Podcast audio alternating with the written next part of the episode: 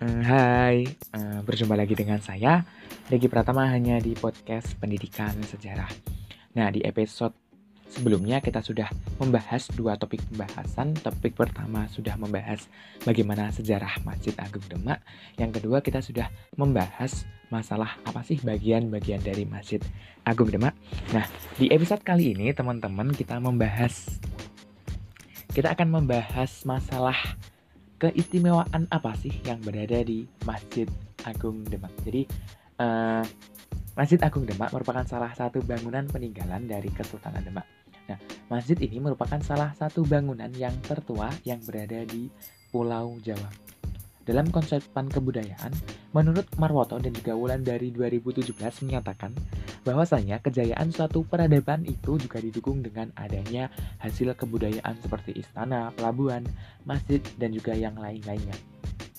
Jadi di dalam konteks ini, Masjid Agung Demak merupakan salah satu hasil kebudayaan dari Kesultanan Demak pada masa itu. Nah, di dalam pembangunan suatu bangunan pada masanya, pasti juga terdapat hal-hal atau sesuatu yang menjadi keunikan dan menjadi keistimewaan dari masjid ini. Lalu apa saja sih keistimewaan dari Masjid Agung Demak ini? Baik, kita akan membahas satu per satu. Yang pertama adalah pintu bledek. Jadi pintu ini merupakan bagian yang yang menjadi bagian keistimewaan dari Masjid Agung Demak. Pintu ini dinamakan pintu bledek ataupun pintu petir. Dalam bahasa Jawa, pintu ini disebut sebagai lawang bledek dan juga menjadikan pintu ini uh, uh, menjadikan pintu lawang bledek ini sebagai pintu utama pada masanya.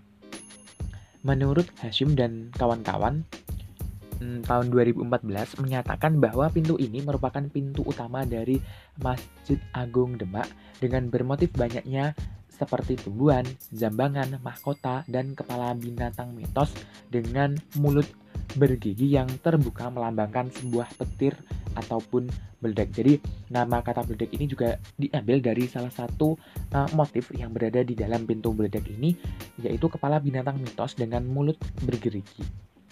Mulut bergerigi yang terbuka.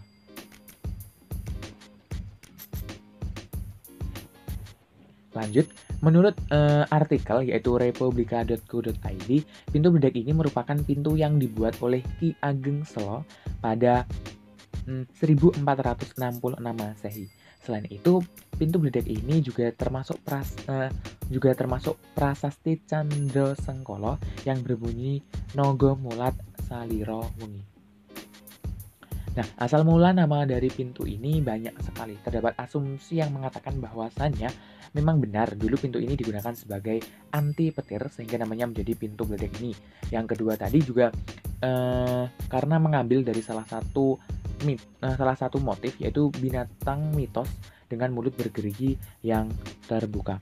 Namun ada asumsi lain yang menyatakan bahwa pintu beledak ini sebagai simbol dari ukiran yang terdapat di dalamnya yaitu hewan mitos yang memiliki pin yang memiliki gigi yang terbuka yang menyimbolkan seperti petir yang menakutkan. Jadi ada dua uh, sekiranya ada dua asumsi yang yang menyatakan asal mula pintu bledek ini dinamakan dinamakan seperti hal tersebut gitu ya.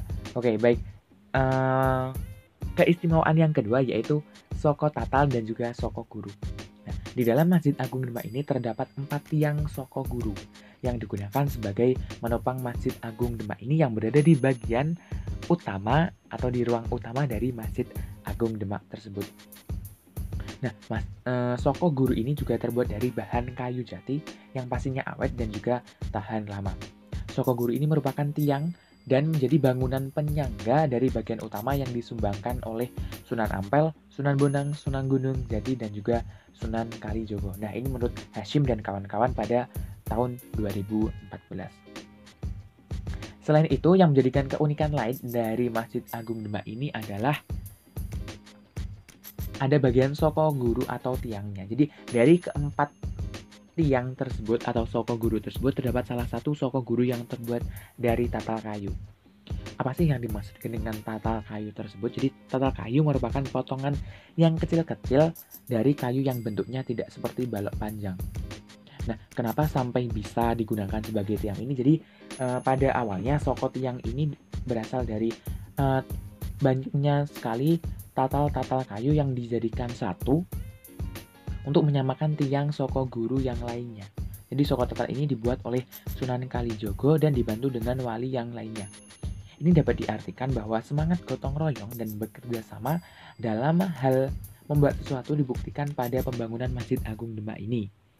Dengan serpian-serpian kayu kecil-kecil tersebut pastinya membutuhkan tenaga yang banyak sekali sehingga uh, dari dari serpian-serpian kayu yang kecil tersebut itu bisa menyatu dan juga bisa digunakan sebagai soko guru yang sampai saat ini masih dapat kita lihat. Oke, uh, nomor tiga atau keistimewaan selanjutnya adalah kolam wudhu. Jadi di Masjid Agung Demak ini, kolam wudhu ini merupakan salah satu bagian dari Masjid Agung Demak. Lebih tepatnya berada di samping depan masjid. Kolam wudhu ini pada mulanya digunakan sebagai tempat wudhu dan dibangun beriringan dengan dibangunnya Masjid Agung Demak ini. Di dalam kolam kolam-kolam tersebut juga terdapat batu-batu yang tegak, ada batu yang berukuran kecil, sedang sampai batu yang berukuran besar. Kolam wudhu ini sejarahnya memiliki luas sekurangnya ada sekitar 75 meter di sebelah timur laut bangunan Serambi. Bangunan Serambi ini dibangun pada abad ke-5 Masehi. Pada mulanya kolam ini digunakan sebagai apa sih? Jadi pada mulanya wudhu ini juga digunakan sebagai tempat untuk mensucikan sebelum sholat. Dan juga ada yang mengatakan bahwasanya eh, tempat ini biasanya digunakan wali songo ataupun dan jamaah yang lainnya untuk bersuci uh, bersuci uh, sebelum uh, bercuci terlebih dahulu sebelum sholat maupun sebelum memasuki wilayah Masjid Agung Demak. Jadi uh, pada dasarnya kolam wudhu ini digunakan untuk bersuci sebelum sholat. Nah ini mengambil dari bukunya Hashim dan kawan-kawan pada tahun 2014. Selain itu juga memiliki ciri khas dan juga keistimewaan yang telah dipaparkan. Banyak sekali ciri khas-ciri khas atau keistimewaan yang dimiliki oleh Masjid Agung Demak ini. Masjid ini merupakan salah satu uh, masjid yang mengakulturasi budaya dengan agama Hindu yang dapat dilihat di berbagai sisi dalam bangunan masjid. Di dalam artikel Hashim dan kawan-kawan menerangkan bahwa dalam penyangga masjid terdapat yang Majapahit. Terdapat yang Majapahit yang digunakan untuk menyangga Masjid Agung Demak ini bekas tiang bekas tiang pendopo dari kerajaan masjid. Jadi tidak terlepas lagi dengan adanya akulturasi budaya dari agama Islam dan juga agama Hindu. Selain itu juga terdap terlihat dari atapnya yang juga terdapat akulturasi karena pada dasarnya eh, masjid dengan adanya tiang dengan adanya tiang yang bertumpang tersebut juga ini juga uh, akulturasi atau penyerapan dari uh, agama Hindu yang dapat dilihat dari candi-candinya tersebut. Saraswati uh, mengatakan memaparkan bahwasanya ciri khas yang dimiliki oleh Masjid Agung Demak ini dari uh, Masjid Agung lainnya. Yang pertama adalah mengenai atap masjid yang berbentuk tajuk yang disokong oleh empat soko guru dan memiliki bujur sangkar pada ruangan yang pertama. Lalu soko tersebut salah satunya terbuat dari potongan-potongan kayu yang kecil yang dijadikan menjadikan satu. Jadi hal inilah atau soko guru ini yang salah satunya adalah uh, soko tatal yang ber, ber, yang terbuat dari serpian-serpian batu eh yang mohon maaf yang terbuat dari serpian-serpian kayu ini menjadikan salah satu keistimewaan dari Masjid Agung Demak. Lalu pada dasarnya banyak sekali ciri khas yang dimiliki unsur-unsur atau unsur-unsur kecil yang dimiliki Masjid Agung Demak ini yang digunakan sebagai keistimewaan atau ciri khas yang, di, yang dimiliki Masjid Agung Demak ini. Dan juga hal ini menjadi penguat-penguat keistimewaan masjid ini dibandingkan dengan masjid-masjid yang lainnya. Meskipun banyak benda-benda yang dan ruangan yang telah direnovasi bahkan dimuseumkan guna untuk menjaga kelestarian uh, guna untuk menjaga kelestarian dan juga supaya agar anak cucu kita kelak juga dapat melihat peninggalan-peninggalan dari mendapatkan peninggalan-peninggalan dari masa terdahulu.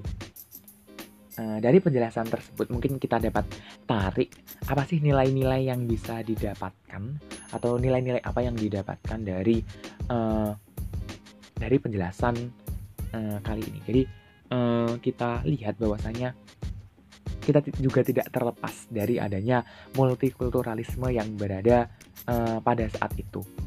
Jadi multikulturalisme Indonesia pada masa kini juga tidak terlepas dari sejarah-sejarah dari multikulturalisme yang berada di Indonesia pada masa itu. Karena pada dasarnya akulturasi itu juga menandakan adanya uh, multikulturalisme di masa itu. Jadi ada uh, dari dari umat Muslim, Muslim um, ada umat Hindu, ada umat Buddha yang juga uh, di sini juga dapat juga dapat terlihat dari Masjid Agung Demak. Mungkin itu saja sih nilai-nilai uh, yang bisa didapatkan di episode kali ini. Uh, sampai jumpa di podcast selanjutnya. Saya Riki Pratama, terima kasih dan sampai jumpa.